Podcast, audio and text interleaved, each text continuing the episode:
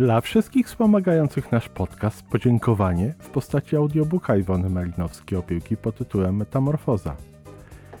Dzisiaj odcinek czwarty o charakterze. Czyta sama autorka. Jakiś czas temu w jednym z dużych polskich miast spotkałam młodego człowieka, biznesmena, który chciał mnie namówić do współpracy. Ubrany był bardzo dobrze, wygląda jak milion złotych.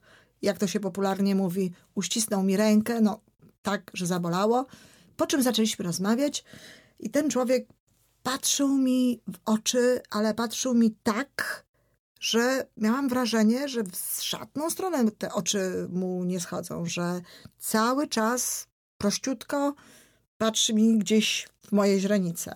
No i naprawdę tak było przez całą rozmowę. Pomyślałam sobie, pewno był na jakimś szkoleniu, bo wyglądało to dość sztucznie.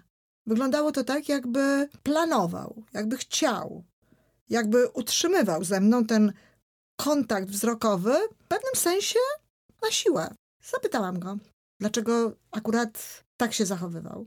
No i okazało się, że miał rację. Był na wielu szkoleniach. Bardzo o siebie dbał. Bardzo mu zależało na tym, żeby rzeczywiście osiągnąć sukces. Miał wizję tego, dokąd dąży, miał swoje cele. Natomiast wydawało mu się, i takie informacje dostawał na różnych szkoleniach, że będzie w stanie to osiągnąć, jeżeli zadba o swoje zachowania, o sposób, w jaki działa. I w związku z tym odbył szkolenie z zakresu wizerunku, jak ma wyglądać. Dowiedział się, jakie garnitury, jakie krawaty, jak to dobierać. Na innym szkoleniu dowiedział się, że żeby pokazać swoją stanowczość, swoje zdecydowanie, e, swoją siłę, power, jak to się mówi, bo w biznesie powinien uścisnąć rękę w sposób zdecydowany. No i żeby nawiązać kontakt z drugim człowiekiem na poziomie takim emocjonalnym, powinien nawiązać kontakt na poziomie wzroku. Powiedziano temu panu, że przez 85% czasu rozmowy ma patrzeć w oczy rozmówcy. No i patrzył. Dziś jeszcze na szkoleniu z negocjacji dowiedział się, że jeśli spuści pierwszy wzrok, to przegra, bo siła zostanie po stronie tego, który tego wzroku nie spuścił. Śmieszne, zabawne. Bardzo często, kiedy opowiadam to na swoich zajęciach, ludzie się śmieją. Oczywiście to pewnie wszystko jest prawda. Pewnie trzeba przyzwoicie wyglądać. Pewno jak się podaje rękę, dobrze by było, żeby sposób, w jaki się ją podaje, był w miarę pewny siebie, zdecydowany. Z całą pewnością trzeba nawiązywać z ludźmi kontakt wzrokowy, ale to nie może być wymuszone. To nie może być nauczone, bo tego typu rzeczy widać. Prawdopodobnie, gdyby się obserwowało przez jakiś czas, przez czas trwania rozmowy, dwoje ludzi, którzy rozmawiają o ważnych dla nich sprawach, istotnie kontakt wzrokowy pomiędzy nimi trwałby 85% czasu tej rozmowy, ale to wtedy, jeśli ci ludzie mieliby poczucie własnej wartości, byli wewnętrznie spójni, czyli nie mieli koniecznie, nie mieli nic do ukrycia, nie mieli jakiejś innej agendy niż ta, która jest rzeczywiście jawna na ich spotkaniu. Czyli krótko mówiąc, gdyby byli uczciwi i gdyby rzeczywiście interesowali się tym drugim człowiekiem. Natomiast patrzenie sztuczne, patrzenie tylko dlatego, że tak się patrzeć powinno, powoduje, że druga osoba, szczególnie wrażliwsza, szczególnie znająca się na takich rzeczach, natychmiast to widzi, natychmiast to wyłapuje i przez to wcale nie zyskuje w jej oczach. Ten człowiek, a wprost przeciwnie, traci. Mówiłam, że po to, by działać skutecznie, by osiągać sukcesy, potrzebujemy trzech na pewno zachowań, czy trzech takich elementów. Po pierwsze, właściwego punktu widzenia, po drugie, właściwej postawy i po trzecie, właściwych zachowań. Zgoda. Tylko te zachowania muszą wypływać tak naprawdę z nas. Ja nie twierdzę, że nie można nauczyć się pewnych rzeczy. Owszem, można i trzeba. Są kompetencje, są umiejętności, o które można i warto zadbać, takie jak umiejętność dobrej komunikacji, jak zarządzanie sobą w czasie, jak umiejętność negocjowania ważnych dla nas rzeczy. Takich rzeczy jest sporo. Można oczywiście oprócz tego nauczyć się spraw związanych stricte z, z biznesem czy z danym zawodem, obsługi komputera, zdobyć prawo jazdy i tak dalej. Natomiast najlepiej jest wtedy, kiedy podstawą naszych właściwych zachowań jest nasz charakter. Ja często mówiłam już o tym w naszych spotkaniach, że doskonalimy charakter. Powoływałam się na doskonalenie charakteru. Używałam takiego sformułowania. W tym momencie przyszedł czas na to, żeby wyjaśnić, dlaczego myślę o tym właśnie tak. Stephen Covey w Siedmiu nawykach skutecznego działania, znakomitej książce, którą serdecznie polecam, opisuje, że zrobił pewnego rodzaju badania, które doprowadziły go do wniosku, że w dawnych czasach, w końcówce lat 1800, na początku lat 1900, nawet jeszcze do połowy, można byłoby powiedzieć, XX wieku, to, co ludźmi powodowało, można byłoby nazwać etyką charakteru. Natomiast od pewnego momentu w Stanach tak naprawdę zaczęło się to pewno gdzieś w latach 60., a u nas ostatnio opanowało świat coś, co można byłoby nazwać etyką osobowości. Czym to się różni? W tym wymiarze osobowość to jest to, jak postrzegamy człowieka. To jest to, jak go widzimy, jakie robi na nas wrażenie. Natomiast charakter to jest to, jaki on naprawdę jest. Jaki on jest w środku. Jak on się zachowuje wtedy, kiedy go nikt nie widzi. Jakimi wartościami się kieruje, nawet wtedy, kiedy nikt o tym nie będzie wiedział, jakie są te jego wartości. Niestety ta etyka osobowości zawładnęła biznesem, zawładnęła generalnie rzecz biorąc wszelkimi działaniami ludzkimi. Ludzie uwierzyli, że mogą udawać kogoś, czy pretendować do tego, że są kimś, kim w istocie nie są. I stąd właśnie te wszystkie szkolenia, te szkolenia, które nastawione są na techniki. Proszę zobaczyć, my mamy techniki komunikacji, techniki negocjacji, techniki prezentacji, techniki sprzedaży. Ja pamiętam kiedyś taką sytuację, kiedy dzwonił do mnie przedstawiciel jakiejś firmy z pytaniem, czy ja prowadzę szkolenia z technik sprzedaży. Ja mówię, że nie, nie prowadzę takich zajęć. Znaczy, jak to nie? Ja słyszałem, że pani uczy handlowców. Tak, szkole handlowców, ale nie z technik sprzedaży. Prowadzę szkolenie na temat sprzedaży i charakteru. Prowadzę szkolenia na temat sztuki sprzedaży, ale nie technik sprzedaży. A nie, nie, to, to my dziękujemy. My, my chcieliśmy techniki. I rzeczywiście często tak jest. Ludziom się wydaje, że za sprawą pewnej techniki, pewnego sposobu oddziaływania na drugiego człowieka, można temu człowiekowi sprzedać pewne rzeczy. No może i można, ale pewno sprzeda mu się tylko raz, kiedy ten człowiek w jakimś momencie zorientuje się, że nie dostał akurat tego, o co tak naprawdę prosił, co było dla niego ważne, na czym mu zależało, albo kiedy w jakiś sposób stwierdzi, że ta osoba, z którą miał do czynienia, nie była w stosunku do niego y, uczciwa. A myślę też, że jeśli ten człowiek, który chciałby bazować w swojej sprzedaży tylko i wyłącznie na tych technikach, bardzo szybko może się zwyczajnie wypalić. I ludzie się wypalają. Rzeczywiście wchodzą do jakiejś firmy, uczą się technik, uczą się pewnego sposobu, no, nie bójmy się tego określenia, manipulowania klientem czy podwładnymi, kimkolwiek innym. I w pierwszym momencie czują się w tym świetnie, no bo mają poczucie sprawczości, poczucie władzy, nawet widzą, że im pewne rzeczy wychodzą, ale wychodzą im tylko dlatego, że czują się pewniej, a nie dlatego, że te techniki tak naprawdę działają, bo w takim razie dlaczego przestają działać po pewnym czasie?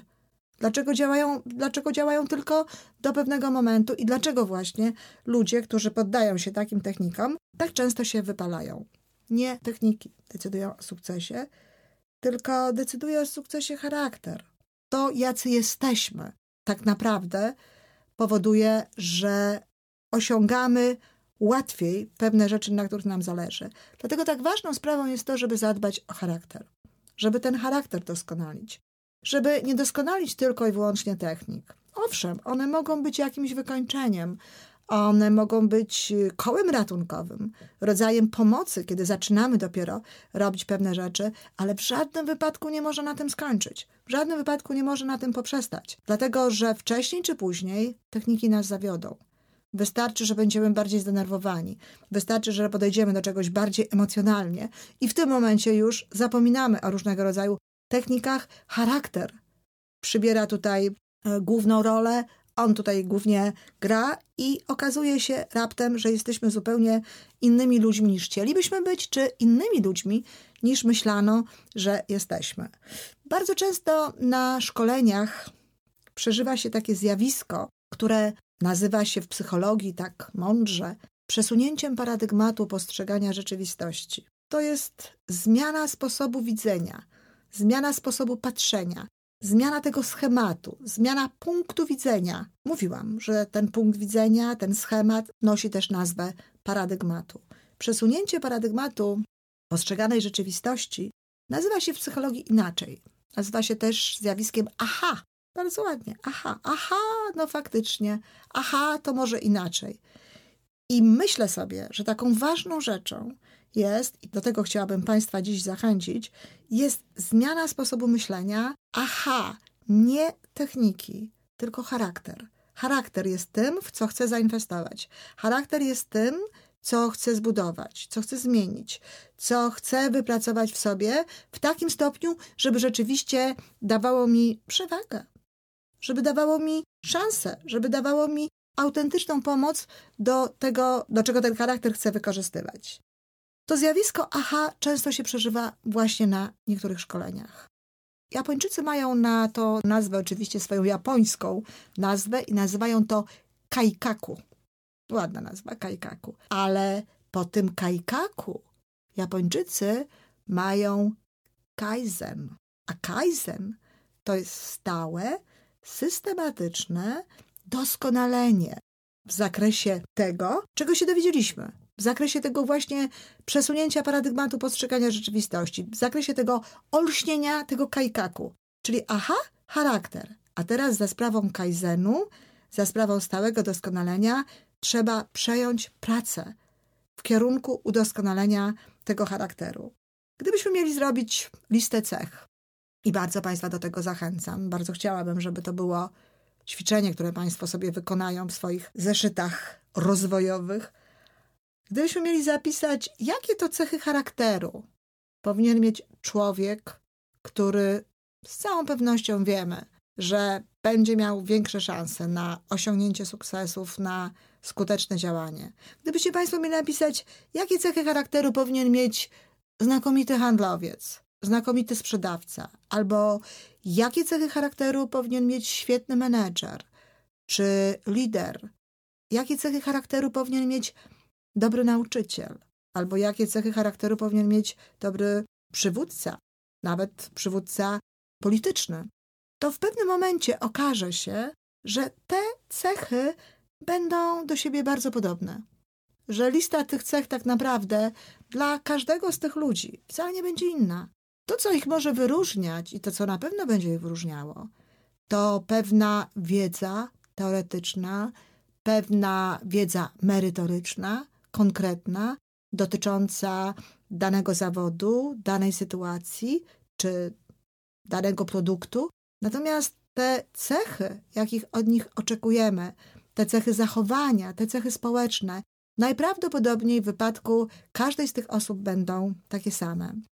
Na pewno znajdzie się tam taka cecha jak komunikatywność, na pewno znajdzie się tam taka cecha jak pewność siebie, na pewno znajdzie się taka cecha jak konsekwencja w działaniu, czy wytrwałość jeszcze lepiej. Na pewno znajdzie się taka cecha jak uczciwość, na pewno znajdzie się taka cecha jak optymizm, czy pozytywne myślenie. Jeśli wypiszą Państwo sobie te cechy, to po skończonych wykładach, po skończonej całości tych wykładów, wrócę do tego jeszcze raz i poprowadzę Państwa przez te cechy charakteru w taki sposób, żebyście zrozumieli, jakie cechy stoją główne, jakie cechy nadrzędne stoją gdzieś właśnie za tymi obserwowalnymi na poziomie osobowości danego człowieka. Charakter jest podstawą funkcjonowania. Jeżeli człowiek chce rzeczywiście osiągać określone rzeczy, nie wystarczy punkt widzenia, nie wystarczy postawa. Po to, żeby te zachowania były zachowaniami właściwymi, musi mieć umocowanie w charakterze. No i tutaj zaczyna się poważne wyzwanie. Po pierwsze, część ludzi uważa, że nad charakterem nie można pracować. Mało tego. Niestety często jest tak, że różnego rodzaju wiedza, różnego rodzaju badania, nawet badania psychologiczne, pomagają ludziom uwierzyć w to, co jest takim determinizmem psychologicznym. To znaczy, pozwalają ludziom uwierzyć w to, że są ograniczeni, że są zaprogramowani przez geny, że są zaprogramowani przez to, jak ich rodzice wychowali, że są zaprogramowani przez kulturę i w związku z tym właściwie nie mają szansy na to, żeby funkcjonować inaczej. To wszystko jest prawda. Rzeczywiście, częściowo nasz charakter, częściowo nasze zachowania w związku z tym i w ogóle my cali jesteśmy zaprogramowani genetycznie. Jednakże ten genetyczny ładunek, to wyposażenie genetyczne jest tylko pewnego rodzaju potencjałem, czy pewnego rodzaju ograniczeniem. To nie jest tak, że człowiek ma zakodowane w genach, czy on będzie uczciwy, czy nie. To nie jest tak, że człowiek ma zakodowane w genach, na ile będzie pracowity. To nie jest tak, że człowiek ma zakodowane w genach, czy będzie miał pewność siebie, czy nie. To zależy od tego, w jaki sposób potoczy się jego życie, owszem, ale również od tego, w jaki sposób on sam będzie siebie wychowywał, jakie informacje on sam będzie wkładał sobie do swojej świadomości i podświadomości i czego sam od siebie będzie oczekiwał i konsekwentnie wdrażał w swoje życie. Charakter buduje się tak jak nawyk. Charakter buduje się w taki sposób, jak tworzy się silną linę. Każda silna lina nawet ta najsilniejsza, tworzy się z jakichś poszczególnych fragmentów. Jest ich bardzo dużo, one są ze sobą powiązane i dzięki temu są silne. Dzięki temu rzeczywiście unoszą potem duży ciężar. I z nawykiem jest dokładnie tak samo. Chodzi o to, żeby raz i jeszcze raz i jeszcze raz i jeszcze kolejny raz zachowywać się w określony sposób, żeby wyrobić nawyk takiego, a nie innego reagowania w różnych sytuacjach. Uczciwość jest nawykiem. Oczywiście, że z jednej strony wiemy o tym, że są takie lub inne prawa, takie lub inne zasady. Oczywiście, że mamy gdzieś zakodowany pewien kodeks moralny, który mówi nam o tym, że tak nie należy postępować. Oczywiście, że wiemy również o tym, że za niektóre złe postępowania, negatywne y, postępowanie możemy spotkać się z takimi samymi konsekwencjami, a jednak mimo wszystko jedni ludzie postępują w w jeden sposób, a inni w inny ci uczciwi wyrobili sobie nawyk postępowania zgodnego z wartościami moralnymi. Nie inaczej jest z pracowitością, nie inaczej jest również z pewnością siebie. Ludzie, którzy mają pewność siebie, wiele razy w swoim życiu przekonywali się na zasadzie odpowiedniego działania, odpowiednich zachowań, że mogą sobie ufać, że mogą wierzyć w swoje umiejętności, w swoje talenty. No, a dlaczego przekonywali się o tym, że mogą ufać? No bo przykładali się w odpowiednim stopniu do tego, co robią, dokładali do tego odpowiednio dużo pracy, wybierali cele, wybierali zachowania takie, które są zgodne z nimi, z ich pragnieniami i w związku z tym mogli się o tym przekonywać. Ale też nie tylko dlatego. Ci ludzie bardzo często mają wdrukowaną w podświadomość pozytywną informację na własny temat. Czy zawsze jest to informacja, która pochodzi e, ze środowiska? Czy zawsze jest to informacja, która pochodzi z wychowania? Nie. I teraz wchodzimy w sprawę wychowania. Na ile wychowanie ma wpływ na nasz charakter? Oczywiście, że w pewnym stopniu ma, ale w żadnym wypadku nie zwolniłabym z odpowiedzialności żadnego człowieka za swoje własne wychowanie. Rodzice popełniają błędy. To jest normalne.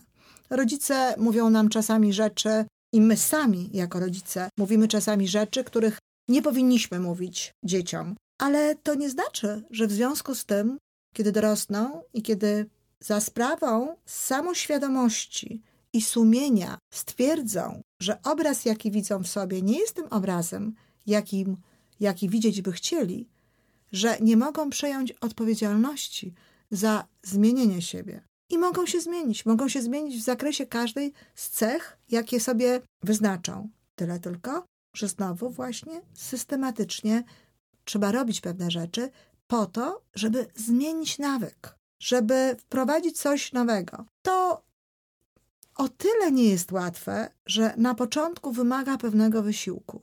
To jest trochę tak jak z rakietą.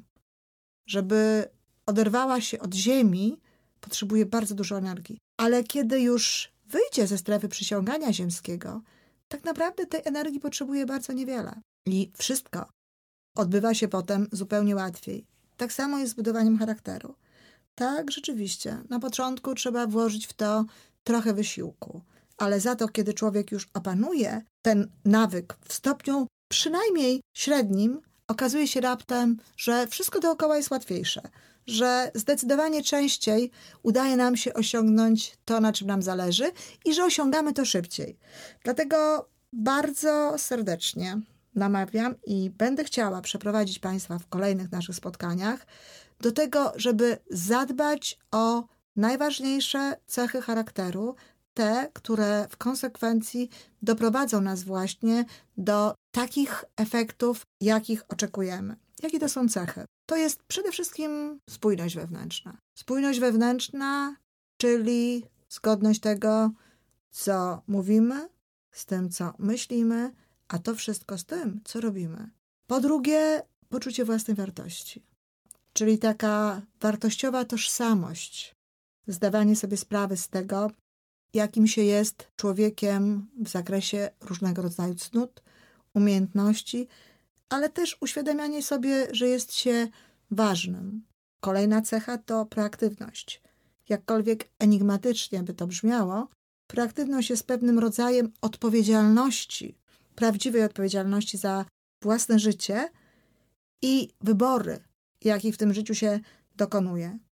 Kolejna cecha to poczucie obfitości. Poczucie obfitości to stosunek do życia polegający na tym, że tak naprawdę to wszystko to, czego potrzebujemy do szczęścia, w nim jest. Tylko trzeba to znaleźć. Trzeba z tego skorzystać. I ostatnia cecha to pozytywne myślenie.